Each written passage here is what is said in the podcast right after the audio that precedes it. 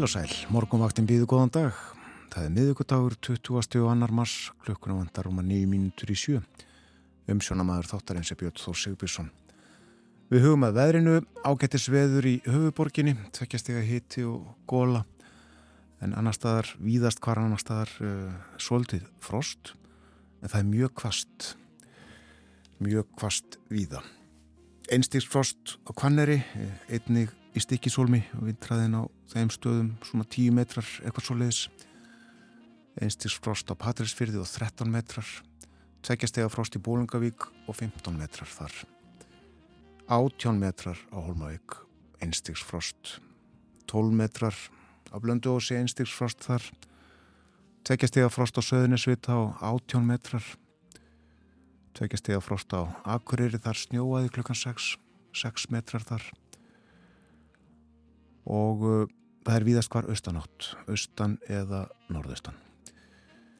Þryggjastega frost á Húsavík, 9 metrar, tveggjastega frost á Rauvarhöfn, 10 metrar, tveggjastega frost á Skeltingstöðum, 11 metrar, tveggjastega frost á Eilstöðum, lítilsáttar snjókoma þar klukkan 6, 9 metrar, hitti við frostmark bæði á höfni Hortnafyrði og á Kvískerjum, einnig á Kirkjubæðaklaustri, vindræðin á höfn og kvískerjum 13 til 15 metrar norðanátt á kvískerjum 11 metrar á klustri tekjast ég að hiti á Stórhauða líkt og í Reykjavík og kvast þar austan 23 33 metrar í mestu kviðu. Hiti við Frostmark í Árnesi 21 metri og fór í 29 í mestu kviðu frostið á hálendinu 7-8 gráður, eitthvað svo leiðis. Það eru gular viðvarnir í gildi. Gildi þeirra framlengt í gær þar sem þær voru í gildi þá áttu að renna út í gerðkvöldi en uh, svo kom í ljósa áfram yrði kvast þannig að uh, það er gul viðvörun á Suðurlandi, Vestfjörðum, Norðurlandi, Eistra, Östurlandi eða Glettingi á Östfjörðum, Suðausturlandi og svo mið hálendinu. En horfurnar eru svo hljóðandi norðaustlæg átt viða 13 til 18, 20 til 28 síðst. Snjókoma með köplum eða jél á austanverðurlandinu rofar heldur til vestanlands. Og norðaustan 13 til 25 um hátegi kvassast suðaustan til en svo dregur úr vindi, það dregur hægt úr vindi og í kvöld 10 til 18 metrar og dálið til jél víða um land síðdeis en bjartviðri sunnan og vestanlands. Og veðri verður svipað á morgun þó dregur en frekar úr vindinum. Og frostið í dag 0 til 8 stig. Og eins og svo oft kaldast í innsveitum norðaustan til. Og þá er það skeitinn frá vegagerðinni, það eru hálkublettir víða á söðu vestulandi eða hálka, það er flughálka í höfnum. Og hálkublettir á flestum fjallvegum á Vesturlandi mjög kvast víða. Það er ófært á flestum fjallvegum á vestfjörðum, það verður aðtúað með opnin klukkan tíu. Þetta er það sem er komið. Fylgjumst áfram með. En að uh, deginum í dag þarf að segja sögunni, það eru 60 ár síðan fyrsta bítlaplatan kom út, fyrsta breyðskífa hljómsættarinnar. Það var Please Please Me, en fáum mánuðum áður. Undir lokás 1962 kom fyrsta smáskefan út. Nú Please Please Me hlaut góðar viðtökur, seldist í bílförmum eins og sagtir, var í heilt ár á topp 10 listanum yfir seldar plötur í Breitlandi og aldrei fyrr hafði fyrsta plata listamanns eða hljómsveitar selst í jafnstóru upplægi og Please Please Me. Og það með bílana mun hafa staðið í halva öll, ég veit ekki hver eða hverjir slóðu það svo. Það eru 14 lög á Please Please Me. John Lennon og Paul McCartney sömdu áttaðira, sex voru eftir aðra, eh, svo kvöldu tökulög.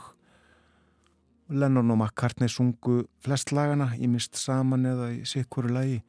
Ringo Starr söng 1, George Harrison 2. Hlustum á annar lagana sem að George syngur á Please Please Me þetta er Do You Want To Know A Secret eftir þá Paul og John. You'll never know how much I really love you You'll never know how much I really care Listen Do you want to know a secret? Do you promise not to tell?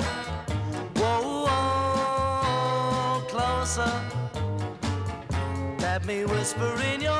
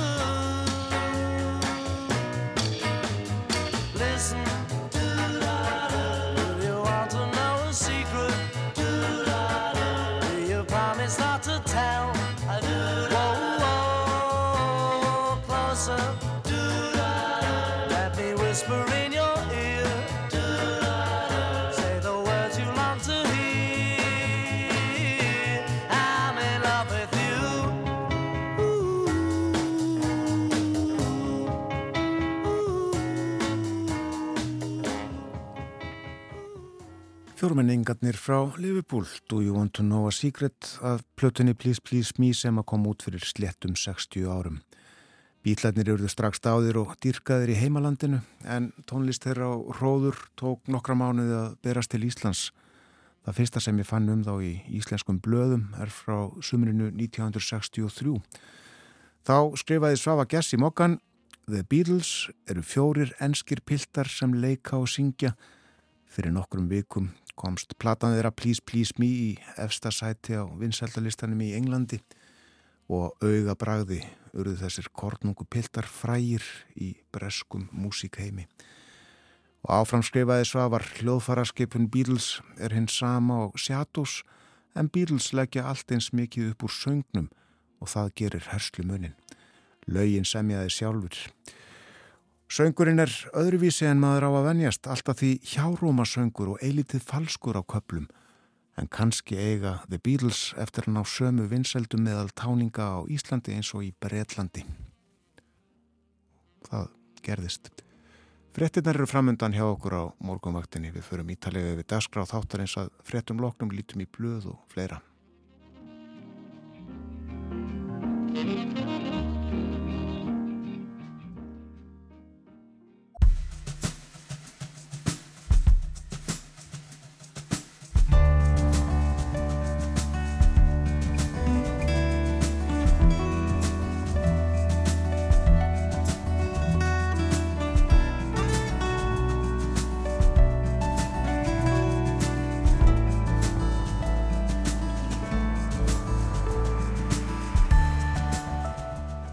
Góðan dag, morgunvaktin helsar.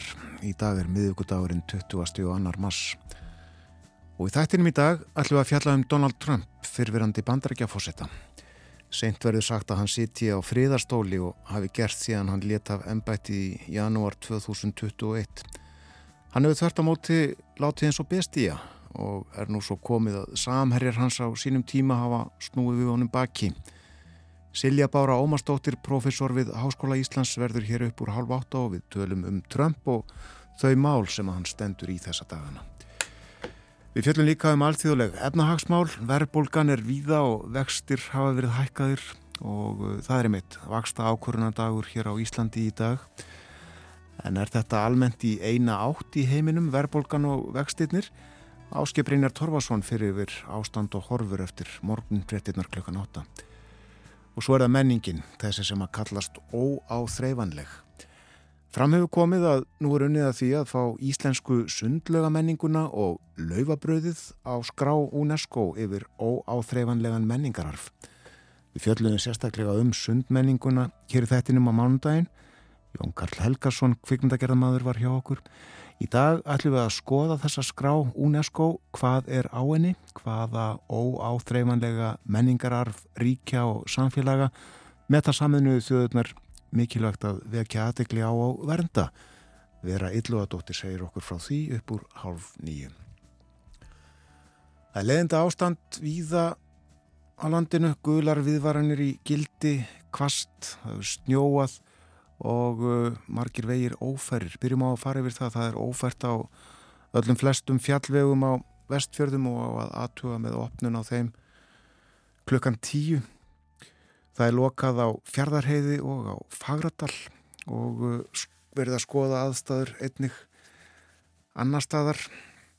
Það er þungfært á Norrfjardarvegi og í Fáslúsfyrði, ófært á Vaskarði eistra og það er lokað melli Lómagnúps og Jökulsárlóns og ekki búist við að uh, upplýsingar verði veittar frekari fyrir um hátegi og það er þæfingur á ringvegi um síðu og lokaður á melli skóa og víkur uh, má búast við upplýsingum, nýjum upplýsingum klukkan tíu. Hálka og hálkublettir eru við annar staðar á Suðurlandi. Fólk hafi þetta í huga. En uh, spáinn norð-austlæg átt í dag viða 13 til 18 kvassara siðst 20 til 28 metrar þar. Snjókoma með köplum eða jél. Þetta á engum viðum austavertlandið. Það rófar heldur til vestanlands og um hádegi þá verður vindræðin 13 til 25 metrar og verður kvassast söðaustan til dregur svo hægt úr vindi og í kvöld, sent í kvöld 10 til 18 metrar og dálið til jél víða um land sítegis en bjart viðri sunnan og vestanlands og það verður svipa veður á morgun 50 dag dregur þó enn frekar úr vindinum og frosti í dag að 8 stegum Við lítum í blöðum, byrjum á fórsíðu morgunblaðsins mynd hér af eh, barni sem var á áhörandapöllunum í salakinnum borgastjórnar Reykjavíkur í gær. Það funda þar og rætt um leikskólamálin, ástandi þar ískikilegt, segir hér í texta á fórsíðu morgunblaðsins. Og sjálfstæðismenn lögði fram tillugu í fjórum liðum og var henni vísað til skóla og frístundaráðs. Það stefnir í kjötskort á innlendumarkaði, segir hér. Þetta er mat Steinfó Skúlasonar, fórstjóra Slátufélag Suðurlands SS. Hann upplýsti um þessa skoðun sína á aðalfundi SS. Og dregur þessa álíktun af kjötframleiðslu síðasta ás og fjölda lifandi greipa í landinu. Greipum fer fækandi og megin ástæðan er að afkoma í framleiðslu á kjöti hún stendur ekki undir nöðsynleiri fjárfestingu og viðhaldi framleiðslu magns. Og Steinþór telur afrastöðvar of margar óhagkvamari rekstri. Það hef ekki fengið slagaheimil til hagraðingar í slátrun og vinslu eins og gest hafi til dæmis í mjölkur innaði og uh, hagraðing hafi skilað viklu þar. Nú uh, Steinþór bendir á að í Danmörku slátri tveir aðilar öllum svínum af búum landsins. Og þau fyrirtæki getur lækka kostna verulega. Og uh, segir hér annað fyrirtækið er stórtækt í útlutningi svínakjöts til Íslands. Tveir aðilar í á slátra öllum svínum í Danmörku það kemur nú ekki fram hversu mörg fyrirtæki slátra hér. En uh, Stein þó segir að vegna skoss á innlendu svínakjöti þá blasi aukin innflutningur við. Innlend framleysla hefur dreyist saman og innflutningur á svínakjöti tvöfaldadist á síðast ári namn yfir 2000 tónnum. Nú svo er svo eh, sagt frá því hér að Kjartan Ólafsson, aðtapnamaður og stjórnaformaður Arnarlags, hann undibýr útafseldi fyrir, úti fyrir söðuströnd Íslands gerir það í saminu við nost fyrirtæki sem að þróað hefur kvíjar til lagseldis í útafinu. Það er áhugavert. Frettablaðið uh, fórsíðu myndin tekin í hérastómi Reykjavíkur í gær þar sem að 25 voru letir fyrir dómara ákerðir um þáttöku eða einhvers konar aðild í þessari árás á klúpnum í bankastrætinu og síðast ári. Bankastræti klöppmálið er það kallað. Þeir neituðu flesti sög svo er hér sagt frá því að á morgun þá verður kynnt rannsókn eða niðurstöður rannsóknar um vöðva rýrnun eldra fólks í Reykjavík. Það er Arnar Hafsteinsson íþrótafræðingur sem að hefur unnið að henni og uh, niðurstöðunar, það eru sláandi segir hér í frettablaðinu ég get svo sem tekið undir það við hefum vist heimsmet í vöðva rýrnun og Hafst, Arnar uh, rannsakandi hann hefur aldrei séð herra hlutvall alvarlegrar vöðva rýrnunar enn í rannsóknarhópi sínum. Ég ætlaði um þetta á fórsýðu fréttablasins í dag. Nú, uh, það er 20. og annar mass og uh, í dag eru 75 ár síðan atomstöðin eftir Haldur Lagsnes kom út. Þetta var 8. skáltsagan hans, já eða 15. eftir því hvernig við teljum Sumar bóka hans sem við lítum á sem eina í dag komu út í tvennu eða þrennu lægi á sínum tíma. Til dæmis Salka Valka, Sjálfstætt fólk, Heimsljós og Íslandsklökan. En auk þessa þá hafði Haldur sendt frá sér smásögur, ferðasögur, ljóð, leikrit, greinar og rittgerðir áður en atomstöðun kom út. Haldur Lagsnes var einstaklega duglegur og afkasta mikill, auk þess auðvitað að vera stórkostlegur höfundur. En um atomstöðuna sagði Haldur sjálfur í bók Ólafs Ragnarssonar að hún hefði verið innlegg í pólitist hitamál og viss gaggrinni á losarabrag og siðferðisbrest í kjálfar styrjaldarinnar. Haldur skrifaði atomstöðuna fáinnum árum eftir lok setni heimstyrjaldarinnar. Og í tilitni þessara tímamóta þá skulum við hlusta á Haldur lesa úr atomstöðinni. Hér er upphafið að þriðja kapla.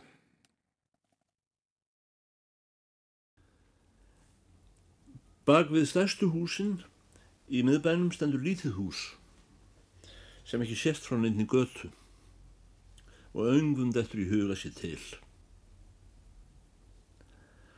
Ókunnugur myndi þræða, jafnvel sverja fyrir að þar veri hús. En það er þar samt, riflað trehús, dáli til stofuhæð og rís, komið að nýður lótum af elli leifar af fornum kaupstað Rækvík. Ætihvönn og venusvagn, reynfang og heimilunjóli breyðir sig að vild um lóðina. Svo rétt grísjar í feiskna rimlagirðingu og fjárhelda á stökustad í, í miðju þessu hávaksna illgresi, grænu og safamiklu þó komið sér langt fram á höst. Aldrei held ég að ég myndi finna þetta hús, en loksins fann ég það. Í fyrstu síndis mér ekki lífsmark með húsinu, en væri betur gáð sá dauða ljósrönd með glugga. Ég leitaði að útidýrum, en húsið stóð skakt við önnur hús og loks fann ég fordýrð það var á bakliðinni anspænis brandvegg á stórhísi sennilega hafði gatan leiði þeim megin í fyndinni þegar húsi var byggt. Ég opnaði hurðina og kom inn í dimm göng. Á einum stað var glæta út um rifu millir stafs og hurðar og ég barði. Eftir stundarkorn var hurð opnuð og í dýrunum stendur grannvaksin maður á næstum því öngvum aldri nema annað hvert hár farið að grána. Og mér fannst einhvern veginn að hann fekti mig um leið og hann leið á mig þessum hreinu sveipmiklu augum í senn vinhlýjum og sposkum undir miklu brúna stæði.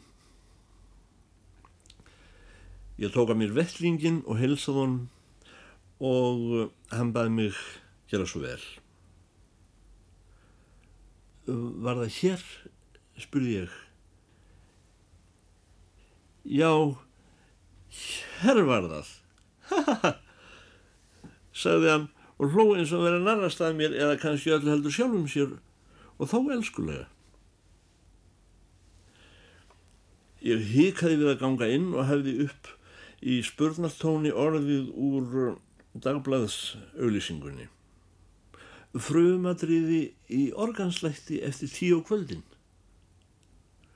Organsláttu, saði hann og held áfram að horfa á mig brosandi. Organsláttu lífsins. Inni hjá honum brann kólaeldur í ofni. Hann notaði ekki hittaveitu borgarinnar. Húsgögn voru ekki önnur en fjöldi grætna júrta og báru sumarblóm og þrýfættur sofaræfil með ribnu ádrægi orgelkríli í horni. Það var hálfu opinn hurðin í annan herbergi og þaðan streymdi lykt af ilmvötnum en alopið fram í eldús og þar slóð borð og nokkri baklausi stólar og knakkar og sögð á kallinum. Það var dálítið til loft þúnt af blómunum og ekki laust við stippu af opninum. Á einum vegg var prentu litmynd af einhvers konar skeppnu sem hefði geta verið stúlka ef hún hefði ekki verið klófin í herðanýður. Hún var berskallótt með lokuð auðu og vangamyndina af sjálfri sér í helmingnum af andlitinu og kisti sjálfa sig á munnin. Ellefu fingur. Ég horfði hugstóla á myndina. E, e, eru þér bóndastúlka, spurði hann. Já, það er vist, sagði ég. E, til hvers ætli þér að læra orgel? Ég sagði fyrst að ég hefði alltaf hlustað á tónlist í útvarpinu en þegar ég hugsaði mig betur um fannst mér svarið of almennt svo ég tók mig á og bætti við. Ég er að hugsa um að spila í kirkjunni okkar heima fyrir norðan þegar hún er orðin til. Má ég sjá á auður höndina, saði hann og, og ég lofiði honum það og hann skoðaði á mér höndina og saði e, þér hafið laglega hönd en full stóra fyrir tónlist. Sjálfur hafði hann mjóa hönd, langfingraða, ákomu mjúka, en einhvern veginn alveg hlutlausa og án ströms, svo ég roðnaði ekki einu sinni þó hann þuklaði um kjúkurnar á mér. Og eh, fannst það reyndar ekki vant heldur. Með leifi, eh, hvaða trú á að bóða í þessari kirkju heima hjá yður fyrir norðan, spurði hann. og ég held nú svo sem ekki neitt merkilega trú segði ég ætla vel ekki þessi gamla lúterstrú ég veit ekki hvað er merkilegt ef ekki að hitta stúrku sem aðhyllist lúterstrú sagði hann. Það var aldrei komið fyrir mig áður. Getur svo vel að sitja. Lúter sagði ég higandi um leiðu ég sett er hann ekki okkar ég veit ekki, sagði maður ég hef aðeins þekkt einn mann sem las Lúther, hann var sálfræðingur og var að skrifa vísindaritt um klám. Lúther er nefnilega talinn klemnasti ríthöfundur heimsbókmentana fyrir nokkrum árum þegar þýtt var eftir hann rítgjörðum pávagreið fegst hún hver ekki prentuð af velsæmis ástæðum má ekki bjóður heitt kaffi? Haldur Lagsnes las þarna upphæfið að þrýðakabla atomstöðvarinnar Tilefnið er að atomstöðun kom út fyrir 75 árum, 20. á annan mars 1948. Og það er sagt að hún hafi selst upp hjá útgefanda Ragnar í smára samdagus. Ég vek aðtegli á að það er hægt að hlusta á framaldið og þetta fyrstu tvo kaplana af atomstöðinni á, og finna á vefnum okkar úr.is og fjölda verka Nobel skáldsins það eru Gerpla og Brekku gott sannóll Paradísar heimt kristnihaldið í túninu heima og svo framvegis og svo framvegis. En uh, á meðan Íslandst bókmynda áhuga fólk streymdi í bókaverslanir 20. á annan mars 1948 til að ná sér í nýjasta verk Nobelskáldsins verðandi þá fætist í Kensington hverjunni í Lundunum strákur sem eins og Haldur Lagsnes átt eftir að láta mikið að sér kveða í listum á öðru sviði þó Andrew Lloyd Webber er 75 ára í dag. Ég ætla ekki að fara yfir æfirhlaup hans, bara nefna að söngleikinnir hans hafa náð alveg ótrúlegum vinsældum sumir hafa verið síndir árum og ég vil áratugum saman í leikhúskverfunum West End í London og á Broadway í New York. Við þekkjum Cats, Phantom of the Opera, Jesus Christ Superstar og Evitu og svo ég nefni einstöklög Memory, All I Ask of You, I Don't Know How to Love Him og Don't Cry for Me Argentina. Andrew Lloyd Webber hefur hlotið helstu verðlun fyrir verksín, Óskarsverðlun, Golden Globe og Grammy. Og við skulum hlusta á Madonnu í hlutverki Evu Perón syngja Don't Cry For Me Argentina. Þetta er úr kvikmyndinni sem að gerð var eh, eftir Evitu var gerð, myndin var gerð 1996.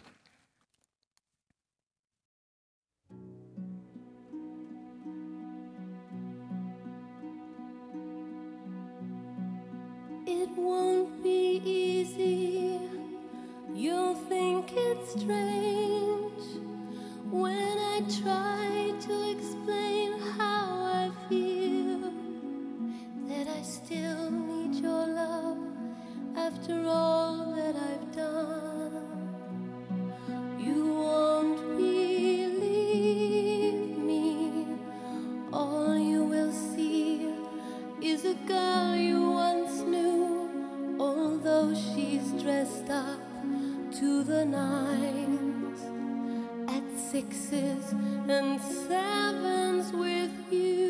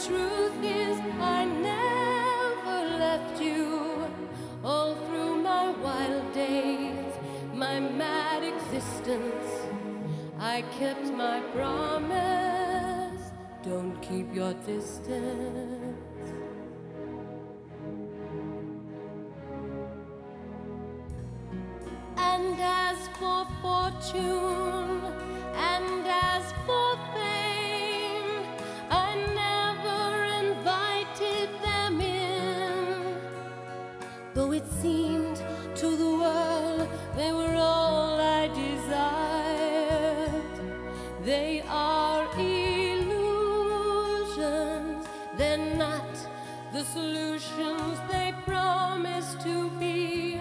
The answer was here all the time.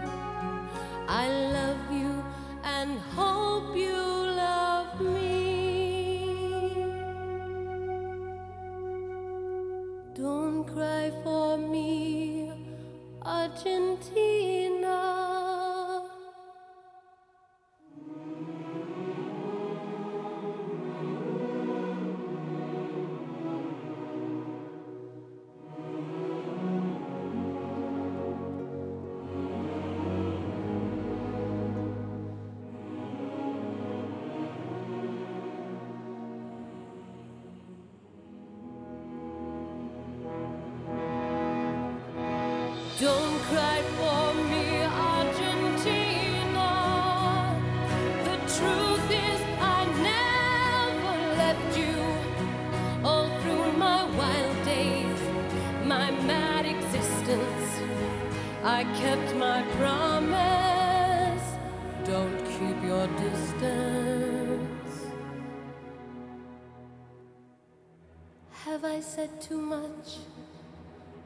There's nothing more I can think of to say to you.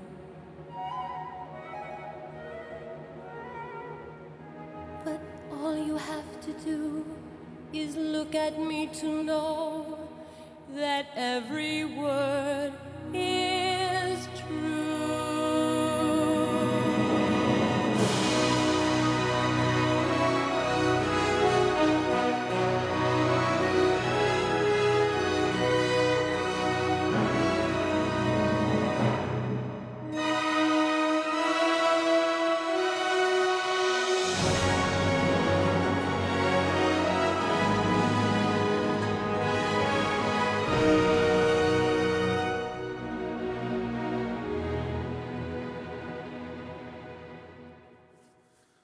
Don't Cry For Me, Argentina.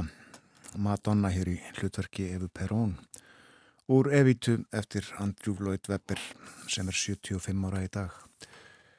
Sé ekki betur en að verði ágættis veður í Buenos Aires í dag 23 steg að hitti eitthvað svo leiðis öllu betra en hér uh, hér er hittin talsverslæri svo litið frost en hittin ekki stóra vandamálið eh, heldur rokið bálkvast uh, víða um land í dag og uh, veir ófærir eins og við fórum yfir hér fyrir morgun, bæði fyrir vestan og austan.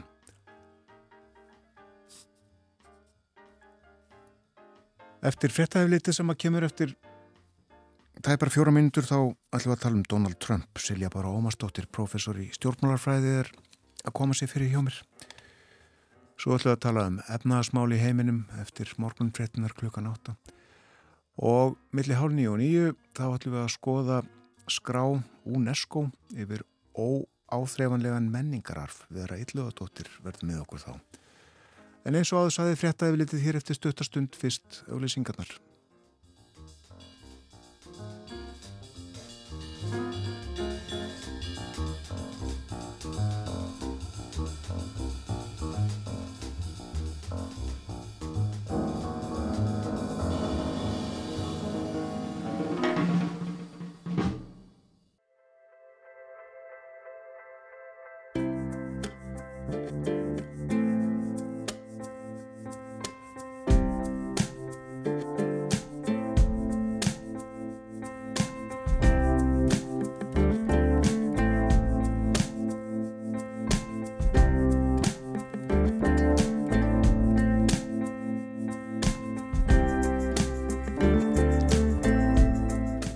Aftur þegar það hlusta á morgumvaktin á rás 1, klukkan núna réttliðilega hálf átta.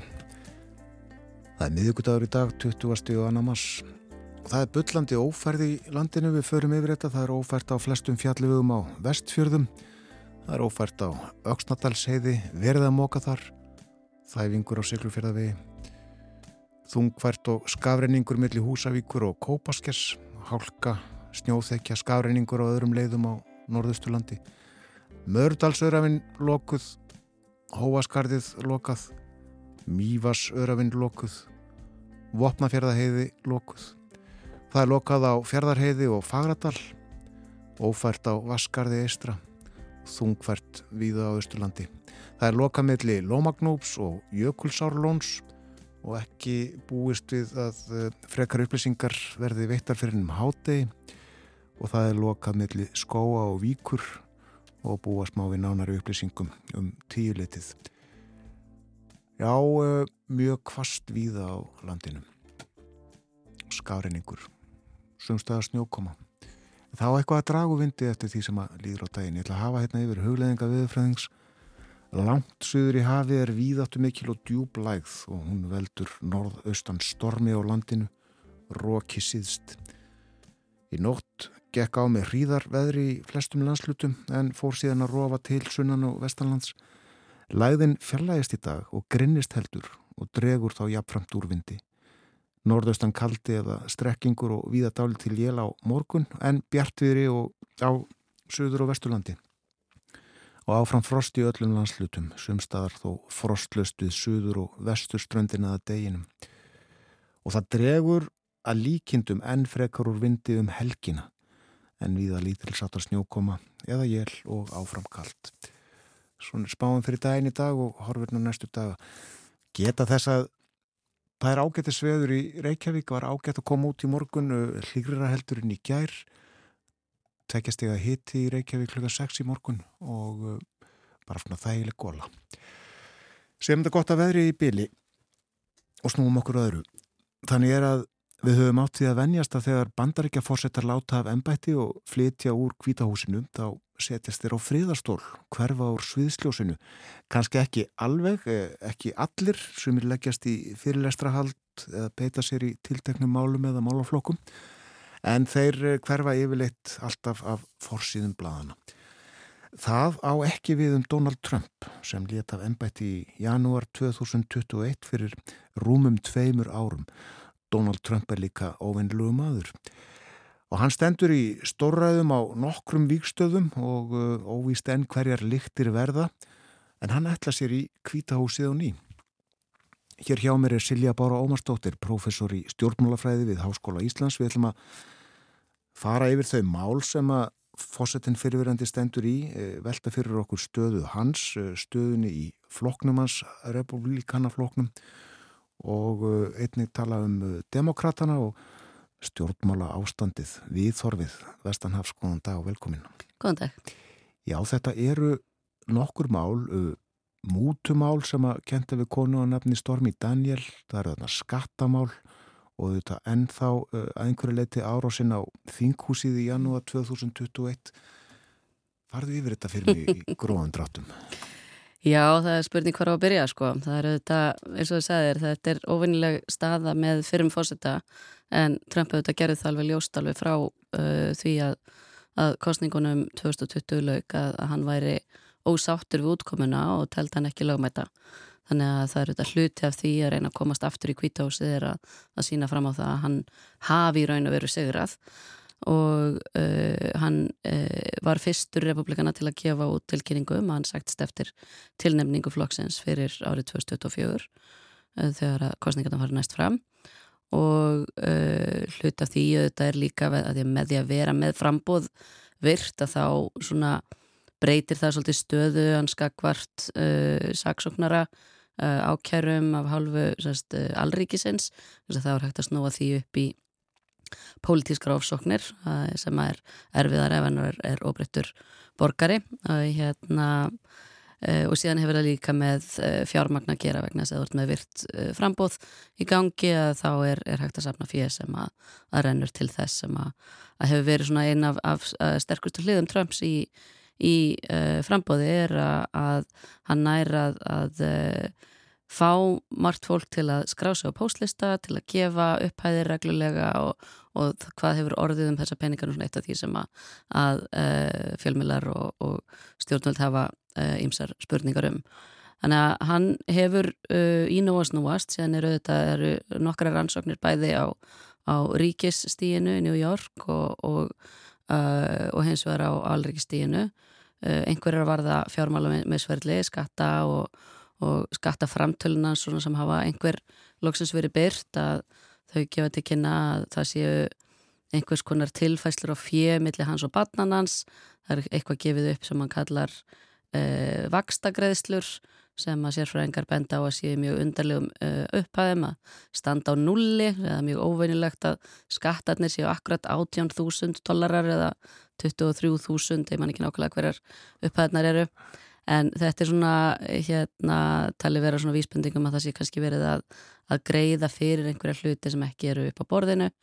Uh, og uh, svo var sem sagt núna eftir að, að republikandi tóku við uh, stjórn í fulltróðdelt þingsins núna upp úr áramótum að þá letu þeir í bara síðustu viku niður falla rannsókna á svona ákveðnum uh, fjármálatengdum gjörningum sem að, að voru taldir uh, vafasamir af demokrautum hérna, þannig að þetta er svona meðal þess að, að hann hefur haft í að snúast fyrir utan auðvitað rannsóknir á, á aðkoma hans að, að áhersunni á, á þinghúsið fyrir rúm tveimur árum þar sem að, að uh, Alríkis saksóknari, hérna Justice Department er að uh, hérna, ennþá að rannsaka og, og uh, það er óljóst. En það sem að kannski við hefum heyrt um núna um helgina og sem að sýnir auðvitað hversu mikil áhrif Trump hefur en þá bara á fjölmiðla í bandaríkjunum er að með því að setja út eitt uh, ég ekki tvít vegna þetta er á, á hans eigin samfélagsmiðli að það sem hann segir að, að hann verði að öllum líkindum handtekinn sem átt að gerast í gær að þá uh, bregðast allir fjölmjöla við þeir setja fyrir utan hérna, skurstofur uh, uh, réttarins í, í New York og býð eftir að þetta gerist og lauruglutildir og, og dómhús eru, eru í raun og veru búin að setja upp bara varnargerðingar til að koma í veg fyrir að, að æstur múurinn ráðist inn til að verja sinn mann.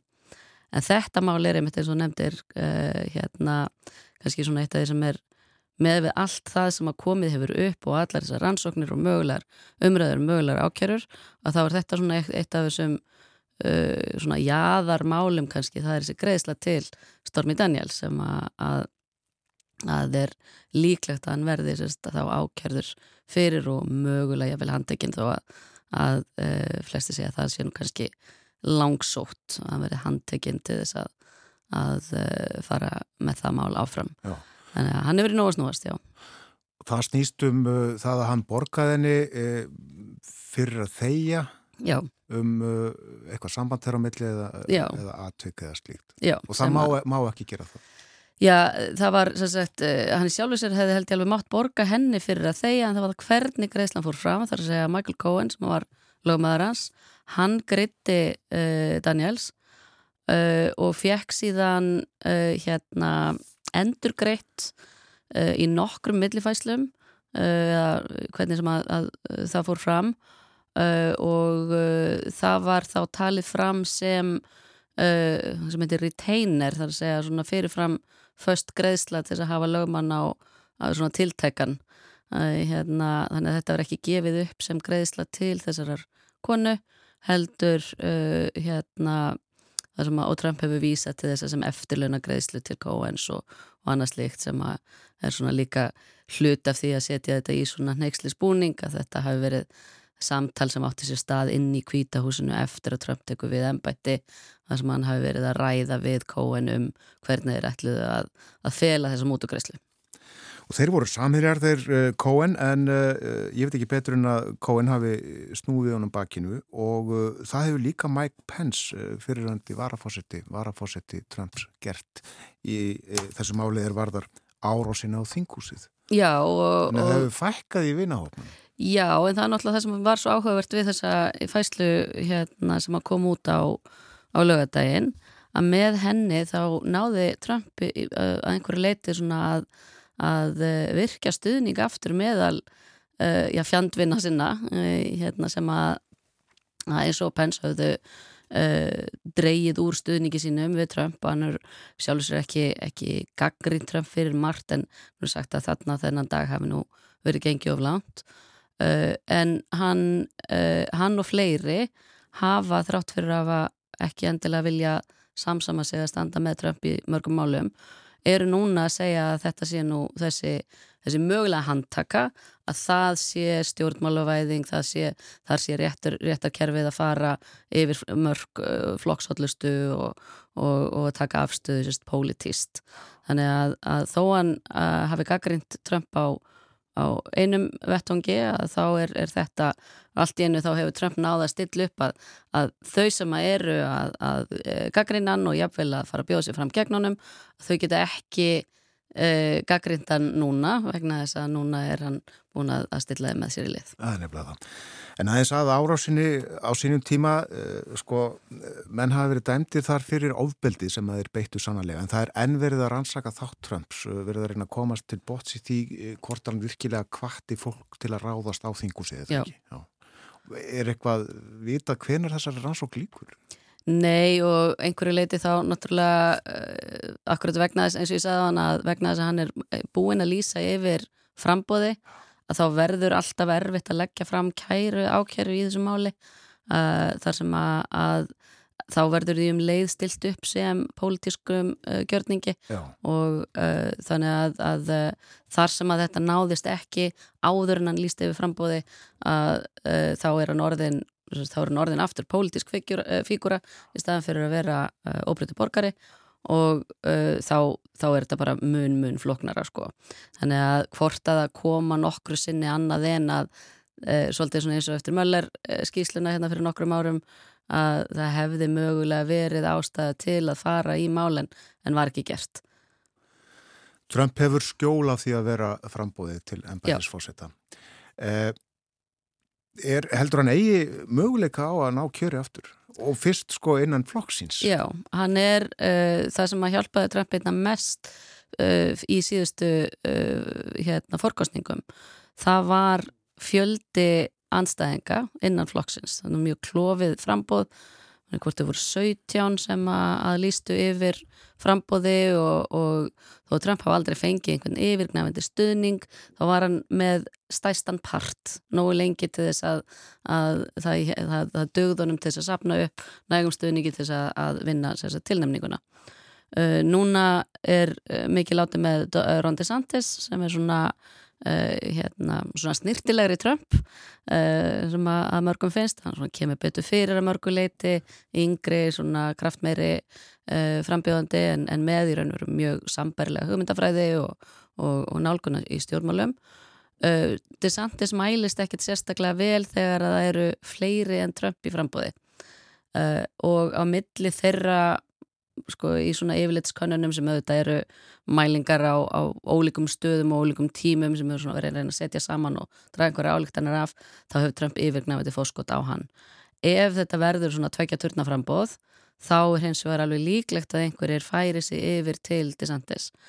Uh, við erum hins vegar nú þegar komið með fjögur frambóð uh, þar að segja uh, ekki DeSantis, hann líklegt að hann lýsi við frambóð einhvern tíman svona næstu 2-3 mánuðum kannski talið en ekki Heili sem var ríkistjóri í Söðu Karolínu og uh, fasta fulltrúi bandaríkina í, í, samlið þjóðunum undir Trump.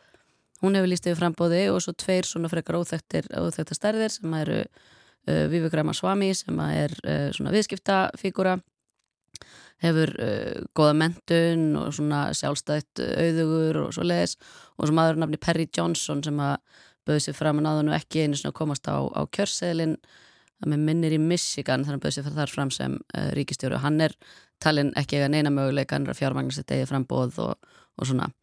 Uh, síðan eru fjöldin allur af öðrum sem að eru talin komandi greina. Kristín Nóm sem er ríkistjóri í Dakota Chris Sununu sem er ríkistjóri í New Hampshire ímsir uh, fleiri svona á, á þessu Liz Cheney hefur líka verið nefnd sem að, að uh, var sparkað uh, úr sínu þingsæti núna um, uh, í haust vegna þess að hún hafði stutt rannsóknina á 7. januar aðtökunum ára svona þingusið og ímsir ímsir fleiri. Er ekki Mike Pence líka? Mike Pence er einmitt líka nefndur hann er svona talin kannski ekkit sérstaklega líklegur til þess að ná árangri og í heldina þá eru svona 20 nöfn í, í umræðinni og þar af kannski 5-6 sem eiga ætti einhverja svona raunhafi möguleika á því að, að verða þau sem að standa síðust eftir á móti Trump. Já. en á móti öllum þessum hvernig sem þessu stilt upp þá hefur Trump yfirgnafandi stuðning. Og síðan kemur það að því sko hver getur sigrað uh, frambúið uh, sitjandi fósetta, það er alltaf forskot að vera í ennbætti uh, bætinu þetta uh, það er svona umdeilt hversu mik miklum árangri hann er að ná, það er verðbolga það er alls konar uh, hérna, það er alls konar erfitt ástand í bandaríkjunum. Uh, og hann er auðvitað eins og hefur ofta verið rætt og líka bara orðin mjög fullorðin, hann er orðin áttræður og Trump sé ekkert mikið yngri en hann. En með því til dæmis að vera með tölvört yngri frambjóðanda það er eitt af því sem hann ekki heili við talaði um að þetta vera svona hérna, getupróf uh, að mæla andlega getur svona aldraðra frambjóðenda, hún er að skilja sig að. Hefur hún sagt það? Hún hefur sagt þetta, já. Og, e, og er sjálf bara réttur umlega 50 sko, þannig að hún er líka reyna að stilla sér upp sem nýri kynnslóð og svona kvikari og, og snarpari í viðbröðum heldur en þeir félagarnir. Uh, en allavega eins og staðan er að þá er enginn sem hefur búið sér fram gegn bætin innan flokksins og það er óalgengt að það séu raunverulegir áskorandur. Marianne hérna, Robinson heitir hún, hún sjálfsjálfar gúrú reyndar búin að lýsa við frambóði en hún á engan möguleika á því að verða kjörin uh, í, innan flokksinn sko. Þannig að, að uh, demokrataflokkurinn stendur enn sem komið er uh, saminnaður að baki bæten og, og uh, það þurfti eitthvað mikið að, að gerast til þess að, að hann fengi raunhæfan áskoranda innan, innan flokksins í fórkostningum. Stundum er nú nefndað á, hvað, þar næstu skriftofi við hann er, er Kamla Harris. Já. Já, hún mælist ekkit sérstaklega vel, það, er, það eru svona uppstillingar í, í mælingum, skoðanakönnunum, sko, DeSantis versus Biden, Trump versus Biden, Trump versus Harris, Harris versus DeSantis og hún tapar í öllum, öllum mögulegum útkomum sko. Uh, þannig að, að ég held að og, og ég held að hún sé mjög ólíkleg til þess að vera áskorandi en hins vegar ef eitthvað gerist og Biden hættir við, hann, hann hefur ekki fornlega líst yfir frambóði þó hann hafi líst yfir hann hafi áhuga á því að halda áfram að þá er, er frambóðið ekki, e, það er ekki fornlega stofnað þannig að það gæti ennþá eitthvað uh, gerst þar. Hann hefur mælst býstna óvinnsæl uh, upp á síkasti ekki satt? Já, uh, og það kannski er eitt af því sem að, að er ástæðan fyrir því að, að hann vil ekki lýsa við frambóð alveg strax. Uh, er, þetta er alveg, fellur alveg að minnstri að, að fórseta að dala þarna um miðbygg, kjörtjómabilisens hann spurning hvort hann nái að, að koma einhverju málum í gegn sem að, að styrkja stuðning við hann Uh, sem að, að myndi dögur svona til að sveiflunum inn í uh, 24 kostningarna þá en, en það eru það, það er lang oftast þá er það staða efnagsmála og það hefur verið bara mjög erfitt. Sjöfn bankana núna kannski líka er minna fólk á 2008 og, og, og ástandi þá. Sem að kannski hefur minni áhrif en svona við sem að stöndu fyrir utan bandaríkin horfum líka aftur til þess hvernig bandaríkin fóru út úr Afganistan og og uh, þeirra afleðingar sem það hafði Næ, hérna. þannig já, það eru svona ímis aðtveik sem að væri auðvelt að draga fram í uh, kostningabaratu sem að myndu, myndu veikin En hvernig finnst þér hann hafa staðið sig hérna frá séð? Sko, ímsuleiti ágætlega en, en, uh, en það eru hérna, það, það eru svona stefnur sem að, að hafa ekki komist í gegn, það er aftur það er mjög algengt að fósettar missi uh, tölvana stuðning uh, í kringum miðbygg og hann hefur ekki, ekki þingið með sér en það var líka margt sem ekki náðist í gegn í þinginu meðan hann hafði það. Þar er líka bara ágræningur innan flokksins það er, er polarisering innan innan demokrataflokksins eins og er milli, innan republikanaflokksins og síðan auðvitað milliflokkana þannig að, að það er það er margt sem hefur gengið betur heldur en þið búist við en, en þetta er ekkert eitthvað, eitthvað stórkostleg framist aða sko, sem, sem fórseti. Nei, förum aðeins inn í uh, öldungadeildaþing, uh, nei inn í, inn í já, bandaríska þingið, já. Uh, það voru þarna uh, mikla samningavirðar þegar verið var að, að velja uh, fórseta þingsins ekki satt, hjá republikunum já. og uh, þetta tók marga marga daga, enda lausar atkvæða greiðslu og það var eins og hann hefði þurft að sko semja af sér öll sín helstu stafnumól. Já, þetta er auðvitað, hefur ekki gerst í um hundrað ár að það þurfa að kjósa svona oft og aftur sínir kannski því sérstaklega vel þessa skautun sem er innan republikanaflokksins og uh, Kevin McCarthy, maður að segja að hann er með eitthvað tögakerfi sem að, að við flest höfum ekki sko að geta setið undir þessu bara án svipbrygða í raun og veru, það var feldur aftur og aftur og aftur. Og allt í einu hefur uh, mjög fámennur þingmannahópur gríðarlega völd. Já, nefnilega og, uh, og, og það er hópur sem er mjög tryggur Trump Uh, vill halda hans stefnumálum á lofti og, og, og kannski það sem hefur einna mest áhrif á, á bara ástandi í heiminum er að, að þetta er hópur sem ekki stiður stuð, er ekki á því að bandaringin eigi að stiðja Úkrænu uh, frekar en, en verið hefur og vill draga úr fjárframlegi til, uh, til að stiðja sagt, varnar, varnir Úkrænu gegn Rúslandi Þannig að, að uh, margt annað síðan auðvitað sem að,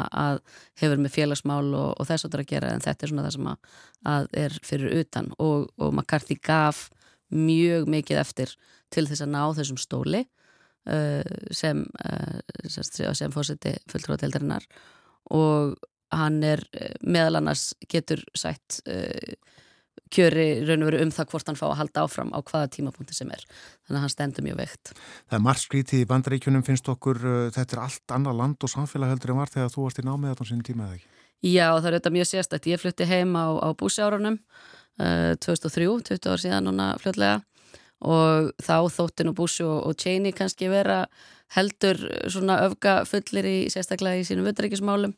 Uh, þeir hafa fengið bara tölvöld mikla endurhæfingu á sínu orðspori eftir, uh, eftir að Trump kom fram.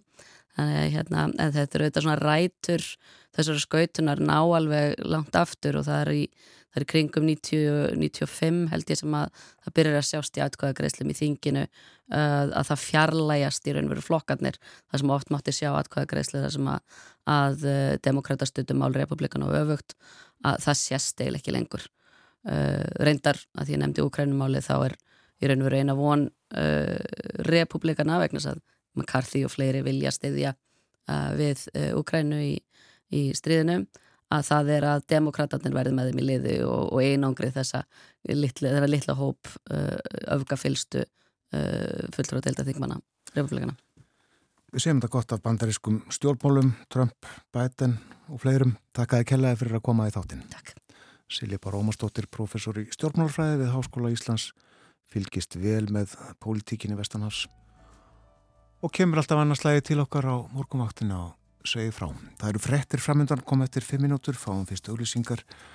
Eftir frettirnar ætlum við að fjalla um efnaðasmáli heiminum, víkt og breytt, er allstæðar verbolga, er hún allstæðar á uppleið, er allstæðar verið að hækka vextina, við veltum því fyrir okkur með áskeri Brynari Torfarsinni og uh, minnum á það líka að uh, eftir 35 minútur þá kemur að ljós hvort að vextinir hér á Íslandi hækki enn frekar, það er vaksta ákvörðuna dagur í dag. Og uh, við fylgjumst með því auðvitað og uh, svo minn ég á að uh, vera illáðdóttir verður hér upp úr hálf nýju við ætlum að fjalla um óáþreifanlegan menningararf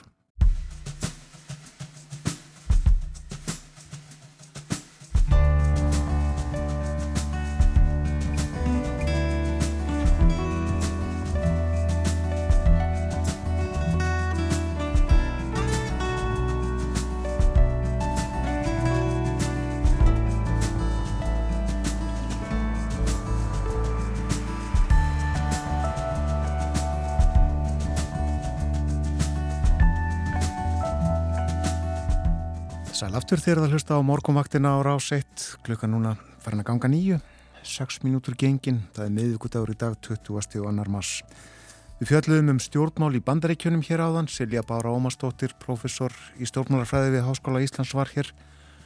Og við uh, höldum okkur áfram út í heimi, við ætlum að fjalla núna um efnahagsmál Byrjum þó að nefna hér að, uh, byrjum þó að nefna að hér uh, hefur uh, verðbólgan vaksið, fór yfir 10% í síðustu mælingu, það er von á nýri verðbólgumælingu í næstu viku. Það verður spennandi að sjá í hvaða átt hún fer, fer hún upp eða fer hún niður?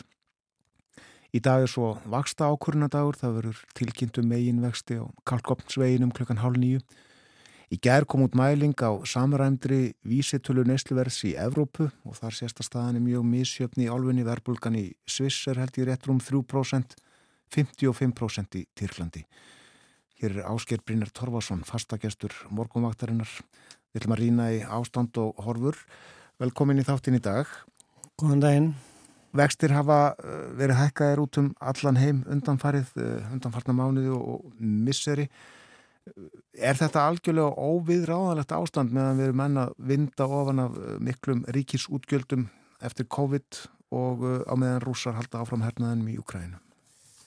Nei, ég er nú sko ekki alveg á því að þessi verðbólka sé öll tilkominu vegna ríkisútgjöldana. Hún, hún, þetta verðbólkuból kviknaði náttúrulega við stríðið og einur á sína. Um, það var viðbúi verðbólgu skot og það er í raun og veru eftir heimsfaraldurinn og það er í raun og veru búnar að vera að koma tölur viða um að toppinum hafi verið náð. Mm, verðbólgan í bandarækjum er núna um 6% þannig að það eru komin nokkrinn mánuður frá því að hún var í toppi þar. Eh, það sem er spennandi kannski að sjá hér í næstu viku hvort að hún sé ennþá vaksandi hér eða, eða hvort að toppinum hafi verið náð. Það sem að eiginlega, sko það verður ansi margt gerst á þessum tveimur vikum síðan ég var hann að hjá það síðast. Það er búin að falla bankar bæði í Ameríku og uh, Sviss eða þeim var þröngvað saman tveimur stæstu bankunum í Sviss af yfirvöldum uh, og ef maður spólar tilbaka vikan, eiginlega já, bara sama dag og ég var inn hérna hjá það fyrir tveim vikum að þá var Páell, selabóngstjóri bandarækjana í yfirheyslu hjá Þingnemnd og gaf svolítið nýjan tón hljómaði sem haugur þar að segja hann að gaf til kynna að líklega er þið hækkað meira en búist að við núna í, í, í dag. En það olli, þessi orð hans á þingnemdini, olli panik inn á mörgóðunum að því að þar voru aðilarfarnir að já, út frá verðbólkutölum með mitt og að, að, að þetta væri nú að vera komið, þetta væri nú að, að byrja að jafna sig og svo er það bara spurning hversu lengi hún verður að nást nýri markmið. Uh, og, og uh, við þessi orðans á þingnemdina þá eilar sökumenn upp að og þeir eru að fara að hekka svona mikið eh, eru við ekki alveg búin með það? Eh, það síðan veldur að hluta til bankakrísunni að því að eh, þá við það að vextinir líklega verði hekkaði meira þá lækkar verðið á komlu ríkiskuldabrjónu sem eru þessar örugu eignir sem bankarnir heldu á og eru með þá órealisera tapin í bókunum sínum. Fyllilega löglega en, en bara sagt, ef þeir síðan neyðast að selja þá kemur tapir fram og þá byrja bankanir að falla. Það, þetta var það sem gerðist fyrir, fyrir tveim vikum og, og þurfti að bjarga eh, og eh, þannig að sko núna er, er þetta er sennileg einhver mikilvægast að vaksta ákvörðun í heiminum í, í, ég er að tala um í Sælabankunum í bandaríkjunum núna setni í dag þegar þeir eru búin að vera á fundi. Það er tveggja daga fundur hjá peningastefnunemdini þar þeir byrjuðu gær og, og tilkynna ákvörðununa í dag. Eh, af því að það eru raun og veru engir góðir kostir. Ef maður tekur ef maður trúir á markaðsæðlana þá er núna kannski verða mestuleiti að búast við 25 púnta hækkun, fjórðungur prosentu en, en tölverðar líkur taldar mögulega á að það verði null, semst að verði beðið með að hækka, ekkert, engin breyting. Og það er þá vegna þess sem að hefur gert síðustu daga í böngunum? Já, sko, að því að e, ef að þeir hækka um hálft prosent eins og þeir töldu líklegt, að þá mun markaðurinn frík út og möguleg einhverju aðri banka falla Eh, ef að eh, þeir hækkum 4% þá er spurning hvað gerist en eh, ef að það verður ákveð að hafa óbreytt til þess að býða og sjá og til þess að vera ekki að búa til óra á markaðunum þá er hægt að tólka það. Heyrðu þau byttunum við. Fettin er kannski ekki með nóg að trú á bankakerfinu og þá er þetta búið til sko óróa út af því. Þannig að, að, að sko þetta er þetta er síkala erfið aðstæða sem Páel og, og peningastemnefndin þar er í Já. að því að reyla alveg sama hvað þú gerir að það er allt svolítið svona erfið uh, niðurstaða sem gæti komið út úr því. Það er með þetta. En uh, eh, vextættin voru hækkaður uh, í Evrunni, eða sem sagt hjá Sælubanka Evrópu í, í síðutu vikuði. Já og um halv prosent þannig að það var svona stærra skref um og uh, þar verður við að muna sko að þar voru náttúrulega vextinir mun læri þannig að þeir eru komnir upp í 3% þar. Uh, aftur það eru, nokkur mismunandi uh, mæli uh, vextir á nokkur mismunandi reikningum. Þannig að 3-3,5% þar.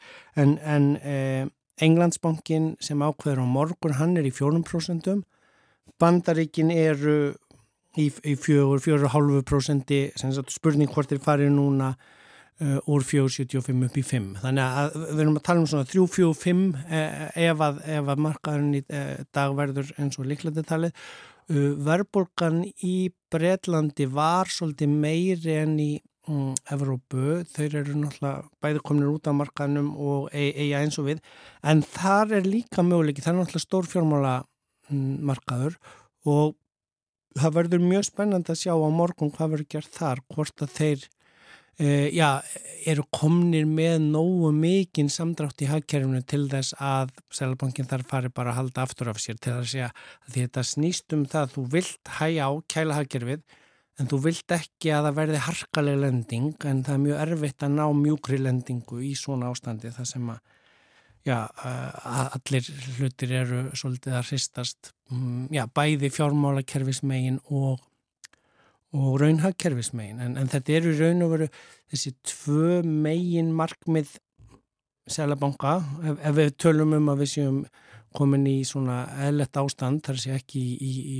heimisfaraldri eða strísástandi þar sem að uh, selabankar eru með þó tvö önnur markmið sem ég hef talað um áður að þjóna annars vegar ríkin og hins vegar þjóna fjármálakerfinu en, en þegar við erum að tala um eðlert ástand og selabankin er að þjóna fjármálakerfinu að meginlega auðvitað til að þá er annars vegar hjá flestum seluböngum markmið um verðstöðuleikan sem að, að, að ná verðbólgun niður og hins vegar markmið um fjármálastöðuleikan og, og, og, og það eru þessi tvö markmið sem eru þannig að tókast á að þú vilt ekki já, hætta fjármálastöðuleikanum og mikið eh, við það að reyna að um, ná verðstöðuleikanum í markmið með því að hækka vextina. Þannig að það er í raun og veru þessi erfið jafnvægisgangur sem að um, nefndin í bandrækjum allavega búin að vera að tala um í allan gerða og í dag.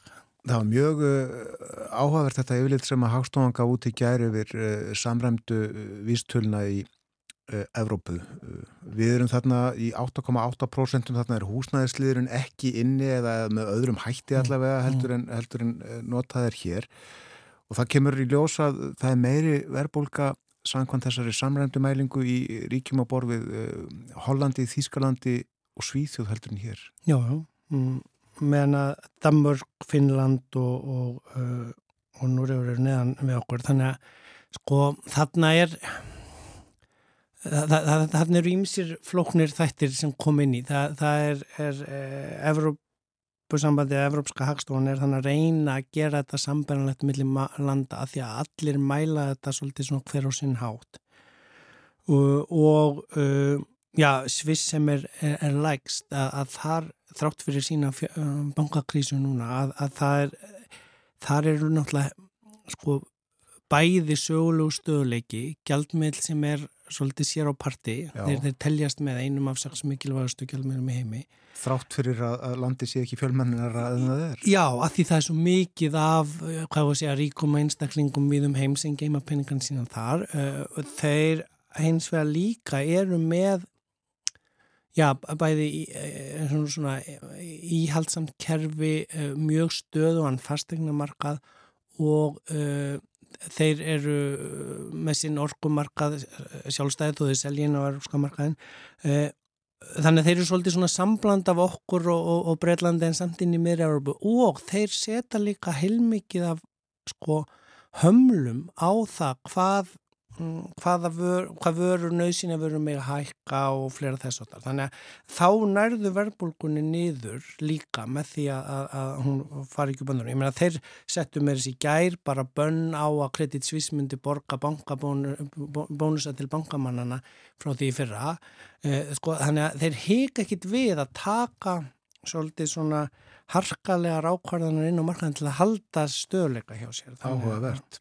Og það er minni verbulga bæði á Spáni og Greiklandi heldur en hér á Íslandi. Það Já. kann að koma óvart. Eitthvað. Já, en, en sko þarna er bæði spilarinn í svona, hvernig menn voru búin að taka til hjá sér en líka bara náttúrulega hversu harkalega orku krísan, orkuverðsækarnar koma inn með að við í norðurinu, það sem er kaldara. Þannig að, að, að, þetta er sko, við, það sem við getum sagt er verbulgan er til vandræða um allan heim. Það, þetta er ekki einhver, einhverjar verbulgu skot út af einhverjum sértækum efnaðsækjum í sértækum löndum. Hins vegar er það mismunandi tekið á því hvernig henni ná niður. Það var náttúrulega aðgerðin hins ofinbæra í að ná orkukostnæðinu niður sem hafa dreyið úr verbulgunni e, í mörgum löndum en veldur þá ríkisútgjöldum á móti. Þannig að, að þetta er Þetta er mjög mikið af jafnvægis æfingum sem er verið að gera á ymsa búa og svo fengum við þessa bankakrísu ofan í e, þetta ástand en hún er að vissuleiti afleiðing af því að vextinir er að hækka og þá reynir á hverjir standa veikast þegar að fjármarskostnærin neikst. Og þú kallar þetta óhyggað bankakrísu? Já, aðgerina sem er búið að vera að gera síðustu tvær vikur uh, eru af stærri skala en við sáum uh, í 2008 það þarf að fara aftur til 1987 svarta mánundagsins þar til að sko sjá uh, svona mikla neyðar aðstóð sem var veitt það flætti út úr Silikónmáli bankanum á, á þessum fymtu degi þegar hann var tekin yfir 42 miljardar bandarækjadala sem að var sko helmingurinn af því sem hafiði flætt út úr kredit Svissbankanum á síðasta ásfjörðungi síðasta ás á þreymur mánuðum. Og þeir voru þó í vandræðum. Þannig að e, neðarast og Svissneska selabankans e, e, bæði í lausafjárstöðning og að, að bakka upp þennan samruna eru, eru gífurlega stór fjárútlát. Þannig að Janet Yellen gaf til kynna í gæra jafnvel er þið inn í stæðutrygging hækkuð á fleiri banka en þessa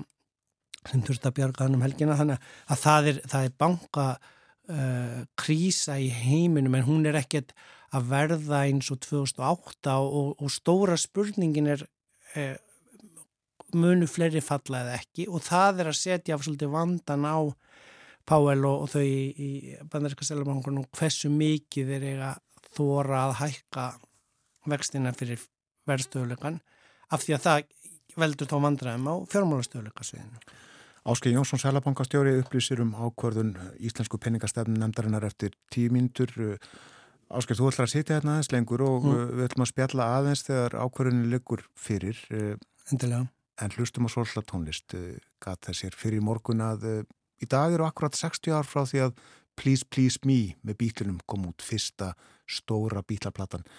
Við hlustuðum á eitt lag fyrir frettinnar klukkan 7 og ég vondun á Sigrid hlustum hér á annar lag og svo enn annað áður en við fáum frettaðu litið.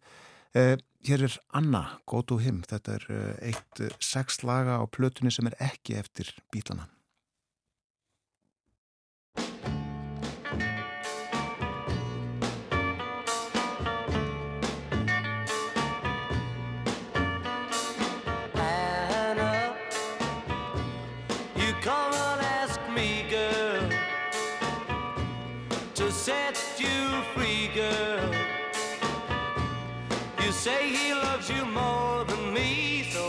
Set you free.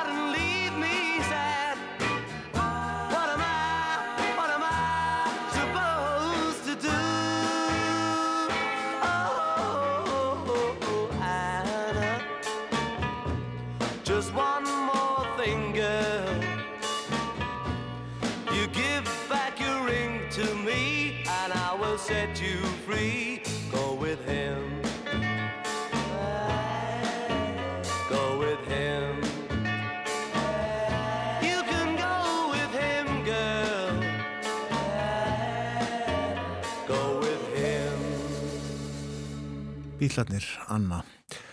Af eh, Please Please Me. Artur Alessander heitir hans sá sem að samti þetta lag.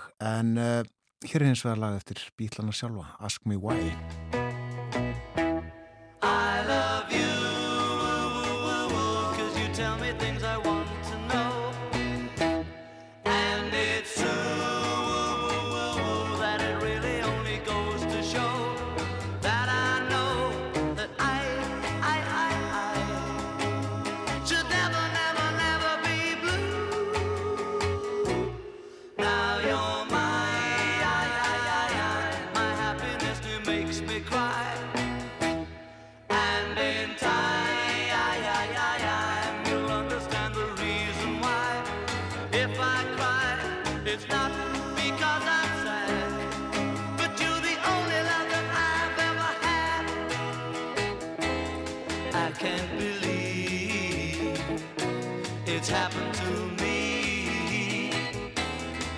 can't conceive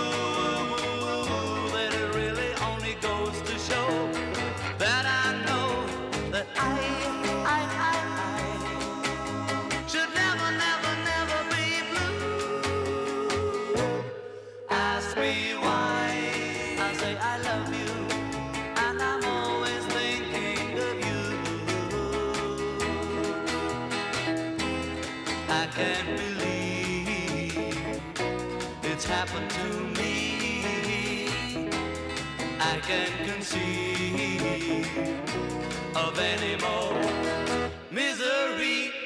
Ask me why. I say I love you, and I'm always thinking of you. You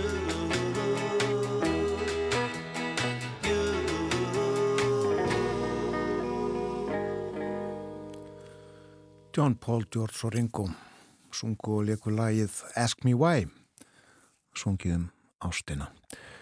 Já, 60 ári dag síðan að Please Please Me kom út og uh, ég refi aftur upp það sem að Sava Gess skrifaði um bítlana sömarið 1963 kannski eiga The Beatles eftir að ná sömu vinsældum meðal táninga á Íslandi eins og í Breitlandi Frettæðifliti kemur eftir stuttastund fyrst auðlýsingar. Eftir frettæðiflit ætlum við að eh, fjalla um vaksta ákvörðun Sælabankans. Þegar í peningastefnu nefndinni það verður upptist núna á slæginu hálf nýju hverjir vextinnir verða. Heldur er nú búist við hækkun.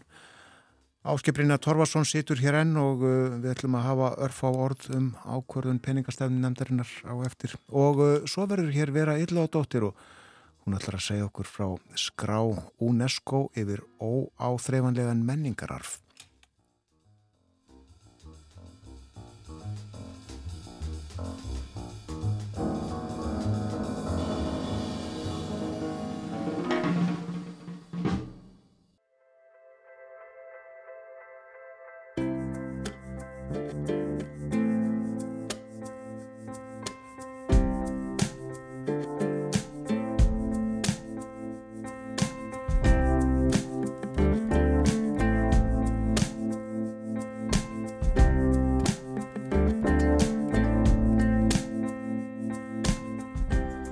Sæl aftur, þið eruð að hlusta á morgunvaktina á Rás 1 klukkan núna réttliðlega hálf nýju. Hér situr Áskiprinjar Torfarsson við spjöldluðum um efnaðasmál í heiminum hér áðan og á meðan við fengum okkur aðeins meira kaffi í bollana þá ákvað peningastefnu nefnd Sælabankans að hækka vextina um 1%, um heilt prósent.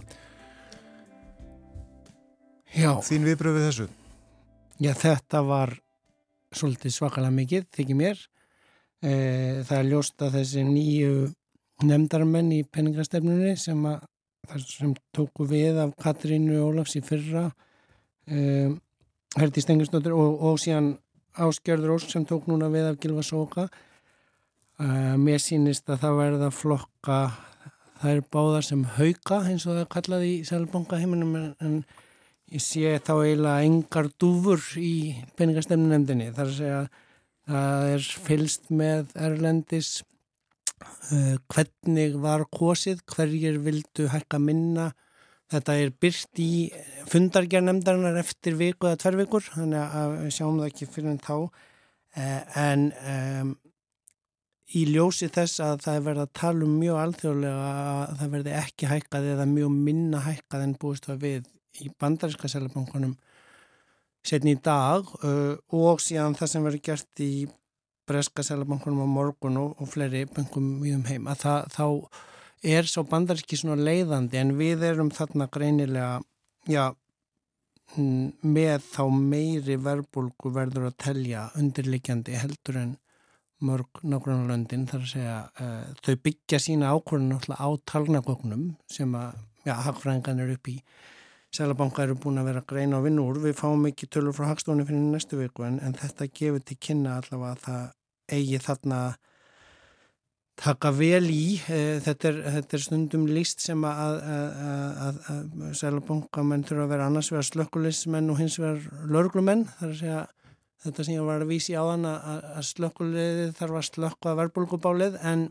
en fjármálastöðuleikin og eftirliti með fjármálamarkanum er svona lörglusutverki og það er það sem að uh, já, er að draga úr er, er, það er að verða meira lauruglumannshlutverki hjá, hjá Páel setn í dag í bandaríkjónum uh, en hér er greinilega bara verið að vinna á slökkulegisliðinni sínist mér með þessari stóru miklu hækkunum. Ég ætla að hafa hérna yfir uh, raukstuningin sem að, er settu fram í stuttumáli í tilkynningu hjá Sælabankanum það verður svo farið yfir þetta betur með frétamannum og eftir En það segir í tilkynningu bankans verðbólgu þrýstingur heldur áfram að aukast og verðhækkanir ná til æg fleiri þáttar. Verðbólga mælist nú 10,2% og undirlikjandi verðbólga er 7,2%. Verðbólgu væntingar til lengri tíma eru enn vel yfir markmiði og raunvextir bankans hafa lækkað frá síðasta fundi nendarinnar. Útliti fyrir að verðbólga verði meiri á næstunni en spáð var í februar, þótt hægt hafi á húsnæðismarkaði. Hagvöxtur var mikill í fyrra og vel umfram það sem þjóðar búskapurinn getur staðið undir til lengdar. Innlend eftirspurn jógst meira en gert var áfyrir í februar og vísbendingar eru um að hún hafi verið kröftur í ársbyrjun en tali var.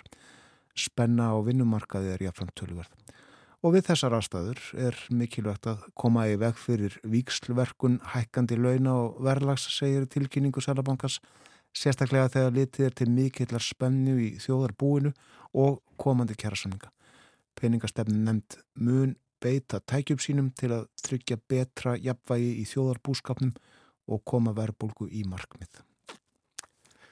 Já, þetta er, þetta er uh, skiljanlegt en ég verð þarna þá að fá að benda á það líka að sko hér er uh, verið að hækka greiðsluna sem bankanir fá á einnstæðum sínum í Sælabankan þannig að hér á landi er ekki þessi bankakrísu vandi sem er verið að kljóst erlendis. En þeir sem verða einna harkalegast fyrir þessum áhrifum hér núna eru þá þessi hópur sem er með mikið af húsnæðislánum sem er að rjúk upp við þetta. Þannig að ég ætla að leifa mér að benda á orð að því það er nú oft mikilvægir viðbúrið þegar Sælabanka menn eru kallaðir til þingnemdana að það var hér í síðustu að þar síðustu viku sem að fjármálastöðuleika skíslan var rætt hjá efnaðs og viðskiptanemn þingsins og undir lokin spurði formaða nefndarinnar eh, hvort þeir hefðu bara vakstatólið til að minna með. Og þá bendi eh, Gunnar Jakobsson sem er var að stela bankastjóri fjármálastöðuleikans á það,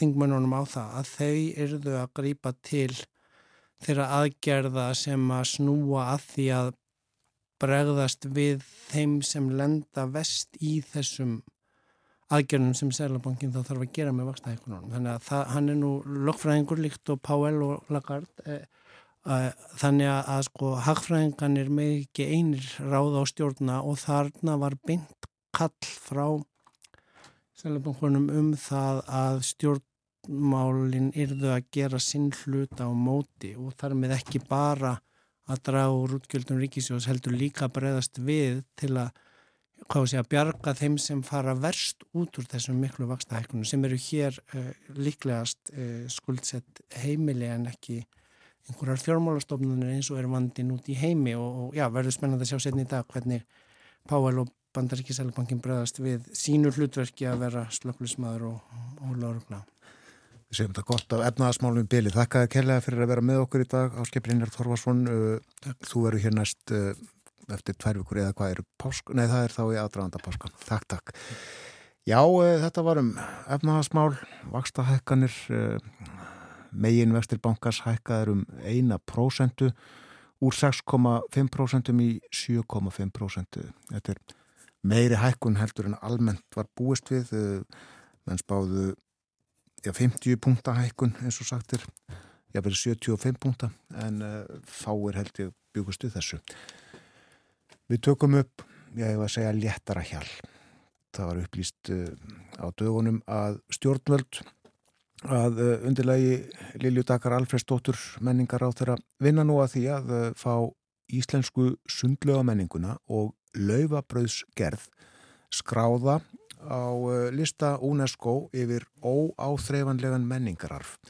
Við töluðum um sundlega menninguna sérstaklega fyrir vikunni. Jón Karl Helgason, kvikmyndagerðamadur, var hjá okkur.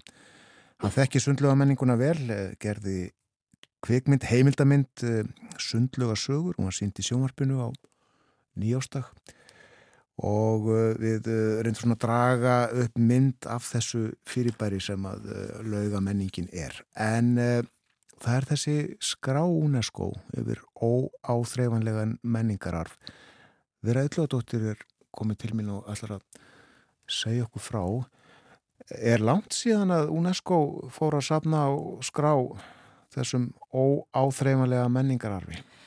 Já, það, þessi fyrsta skráleit dagsins ljós 2008 þannig að það er nú ekkit mjög langt síðan samningur um Um varðveislu og óþreifanlegs menningararfs var, var samþyktur á aðalfundi UNESCO 2003 og, og uh, tók síðan gildi 2006 og síðan hefur, hefur þessum menningararf verið sapnað markvist síðan 2008 og það eru 181 ríki sem að uh, hefur orðið staðfest uh, þennan samning. San Marino var að bætast við núna nýverið og listin orðin bætt við listan á, á ári hverju sérstök nefnd sem að sérum að fara yfir tillögur sem að aðildaríkin uh, senda og þetta er orðin ansi, ansi umfangsmikið listi eða 677 já, fyrirbreyði efni uh, hvernig sem að vill, vill skilgreina þetta sem að, sem að á honum er uh, frá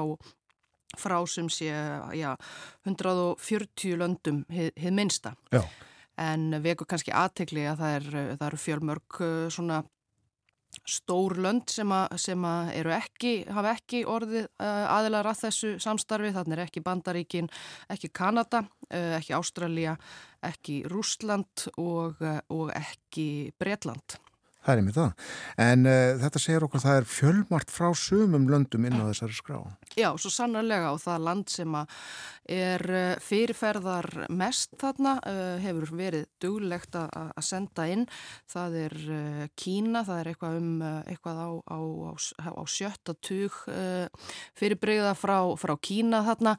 Þar eru margvísleg óperuform sem að finna má viðsvegar um landið, hvort sem það er Peking-óperan eða Tíbeska óperan, ímislegt uh, annað, kínverskar nálastungur, uh, kínversk pappirskerð, uh, kínverst fornt tímatal og, og sterfræði, ákveðin náttúraböð sem að stundu hafa verið um aldir í, í Tíbet, kínversk skrautskrift, dregabátarnir sem að sér gerðnan í fréttum frá Kína og ímislegt fleira þarna meðal annars meira að segja uh, tónlistarhefð úígúra í, í Xinjiang héræði sem eru nú ekki miklu uppáhaldi hjá stjórnvöldum í, í Kína um, um þessar myndir og ímislegt dæmi um þetta ég held að uh, hvað næst uh, Kína komi, komi Japan með eitthvað á þriðjatug menningar uh, fyrirbreyða ímiskonar, uh, mikið af, af ímiskonar uh, listformi, dansi, leikúsi, tónlist og, og, og, og fleira.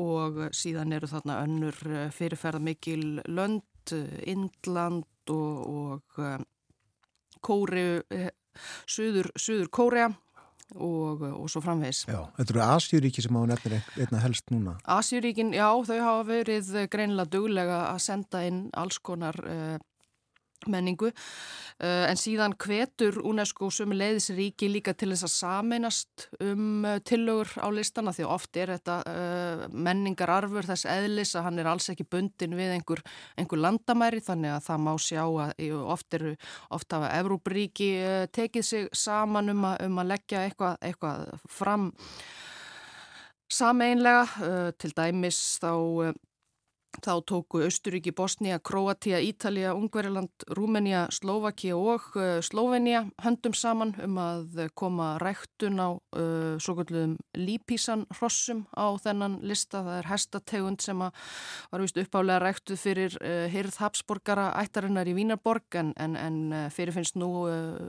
um allt um þetta landsvæði og 2021 þá var það gríðalegur uh, fjöldi landa um heim allan frá Belgíu til Marokko til, til Sáti-Arabíu sem að lagði, uh, lagði til fálkarækt á, á listan sem að þetta uh, er fyrirbreið sem að fyrirfinnst víða um, um heim. Já, já.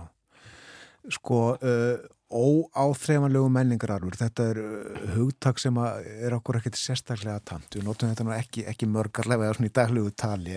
Þú skoðar þessa skrá sem að hefur verið til í ekki mjög mörg ára en þarna eru á 677 fyrirbriði eins og við segjum. Fannstu einhverja skilgreiningu á þessu óáþreifanlegu menningararfur? Þetta er erfitt að skilgreina en, en svona þetta eru hefðir Oft uh, síðan aftur, aftur í öldum, þó ekki alltaf, uh, síðir gömul uh, listform sem að varðveist hafa kynnslóðum saman, oft eitthvað sem að varðveist hefur einungis í, í munlegri geimt en þó ekki, þó ekki alltaf, veitnig verið, verið skráð niður, atvinnu, aðferðir, handverk, ákveðin matargerð og Þannig að kennir, jú, sannarlega, sannarlega ímissa grasa og ég, ég hvet áhuga saman um að fara á VF uh, UNESCO um þetta fyrirbriði sem er ich.unesco.org þar sem að sjáum á allan listan og þar er einni búið að, búið að já, skilgreina hann eftir, eftir þemum og svo, og svo framvegis. Já, þú hefur haft gaman að því trúi að fara í gegnum þetta. Þetta var mjög skemmtilegt og oft svona það rata stundum í fréttir þegar eitthvað sem að fólki finnst svona skemmtilegt uh, bætist við listan uh, núna síðast í, í fyrra komstæði fréttir að frakkar löðu til og fengu samþygt að bagett uh, bakstur erði settur á þennan lista. Þjóðarbrauð frakka sem að ímsar hefðir tengjast Napoli pítsur eru líka á listanum má nefna sána menning uh, finna, við getum nú kannski uh, nota það sem nota það sem einhvers konar hlýstæðu við, við sundmenninguna þó að, þó að sána menningin er kannski ennþá eldri rætur. Já. En uh, það hefur verið nefnt svona síðan, uh, síðan það var uh, farið að halda þessu til haga einmitt að hvort að þetta ættu allt saman að vera svona einhverjar æfa fornar hefðir eða hvort að svona nútíma legri menning ætti, ætti erindi á, á listan. Í það var grein í grein sem að, sem að sapna maður nokkur skrifaði einn af, af yfirmönnum á Smithsonian stofnunum í Bandaríkunum ritaði greinum það sem hann stakk upp á því að hlutir eins og nútímadans, rap, tónlist, uh, krikett og svona fleira aðeins nýra ætti fullt erindi á þennan lista og við erum kannski svona aðeins að sjá breytingu í þá átt uh, núna. Uh, Eian Jamaica kom, kom reggae tónlist á, á þennan lista 2018 tónlistaform sem kom fram á ofanverðum 7. áratug síðustu aldar Þannig að, þannig að íslenskar sundlugar eru alls ekki það nýjasta Nei. þarna, ratið þær uh, þarna einn. Þó þær séu tiltölu að nýja svona í stóra samhenginu. Vissulega. Við erum ekkert mjög, mjög lengi leiði saman í heitum bótum á rétt málinn þó að Snorri hafi haft sína lög á sín tíma. Nei, En uh, Ísland hefur hingað til bara tekið þátt í einni tillögu og það var með uh, öllum hinnum Norðurlöndunum og uh, það var að koma, það var 2021 sem að, sem að norræna bátskerðin súbyrðingur komst á þennan, þennan lista. En að það er okkar eina, eina framlag til óáþreifanlegs menningararfs heimsins hinga til þannig að er full ástæða til að full ástæða til að vika það eitthvað út. Já. Norðurlöndin almennt kannski ekki verið mjög uh, dugleg við að, við að uh, koma sinni menningu þarna, uh, þarna á. Danir 2001 þeir eiga bara söm leiðis eitt annað, eina aðra tillugu það var fyrir Grænlandshönd trommutans Inuita. Síðan hafa norðmenn sett inn tillugu um uh, ákveðna þjóðlega tónlistarhefði í, í augðum í suður Noregi og eitthvað svona, eitthvað svona örlítið má finna þarna frá, frá Norðurlöndunum Við höfum uh, talað mikið um uh, sundlega menninguna en uh, verðt að uh, nefna líka lögabröðskerna. Þú talaður um baketti franska áðan. Lögabröðið íslenskar sómi sér vel við hliðin á því. Já, svo sannarlega og þetta við hlið pít, pítsunar frá Napoli, heimaborg pítsunar og þarna má finna ímiskonar, ímiskonar matargerð aðra og má kannski nefna í, í tengslu við það að UNESCO hvetur lönd til þess að, til þess að taka höndum saman um, uh, um menningararf sem að ólíkar uh, þjóðir eða grannþjóðir deila að það tekst ekki, ekki alltaf. Suður Kórea sem að hefur verið eh, mjög dugleg við að, við að koma sinni menningu á þennan uh, lista uh, reyndi að fá uh, Norður Kóru með sér. Þar eru þetta mjög skilt menning á Kóruskánum hefur reyndi að fá Norður Kóru stundum með sér meðal annars um, um helsta þjóðlag Kóruskans Ari Rang og sömulegis Súrkálið Kimchi.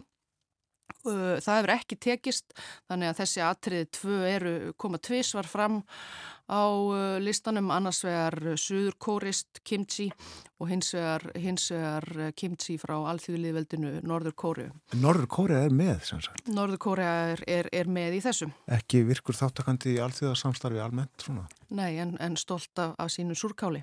Auðvitað. Já, e, það verður áhugavert að fylgjast með þessu, hvort að þetta verður örglega ekki samþygt að, að taka inn e, sundlega menninguna og, og laufabröðið. En e, áttar þið á því hvað vinst með því að komast á þessar, á þessar skrá?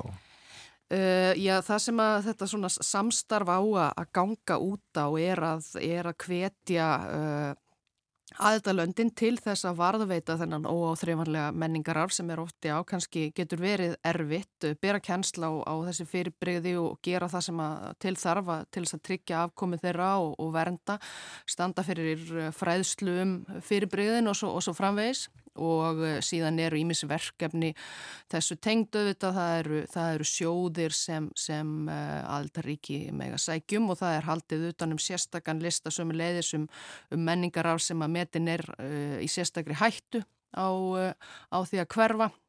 Þannig að það er ímislegt, ímislegt slíkt sem laufabröðsgerð og, og sundlugarnar kannski hafa ekki, hafa ekki beina þörf á en uh, verða allavega uh, munu allavega að sóma sér príðilega held ég á þessum lista. Já, viltu nefna eitthvað fleira í, í, lókinn skemmtilega sem þú sást? Já, að við getum, við getum nefnt það að 2022 í fyrra þá ásand bagettbröðinu þá komu Serbar Slífovits bruggun sinni á þennan lista og sömulegðis þá uh, tóku frakkar og, og, og andoramenn höndum saman um að, um að uh, sérstakar bjarnarháttíðir sem að haldnar eru uh, þar í löndum sem að ungi menn klæðast í einhverjum tilgangi sem byrni það er hérna líka sem er bara dæmi um 39 fyrirbriði sem sett voru á, á listan í, í, í fyrra. Og svo er hérna að finna, já, ímislegt margt sem að, sem að allir kannast við Indland er með jóka og annað sem að maður hefur aldrei uh, heyrt á nefnt áður. Þakkaði fyrir þetta að vera auðvitað dútir. Þetta var um þess að skrá UNESCO yfir óáþreifanlegan menningararf. En klukkan er alveg að verða nýju og uh, komið að lokum morgunvaktarinnar í dag. Fjallaðum ímislegt. Þáttunum verður á sínum staði fyrramáli. Þá verður Bóji Ágússon með mér. Ég ætla að ljúka þættinum í dag á uh, Disco Frisco gammal smellur en uh, ekki í sínum hefðbundna búningi. Þetta er Gítar Íslandsjó sem að leikur og uh, með þessu lægi þakka ég samfélgina frá því morgun. Njótiði dagsins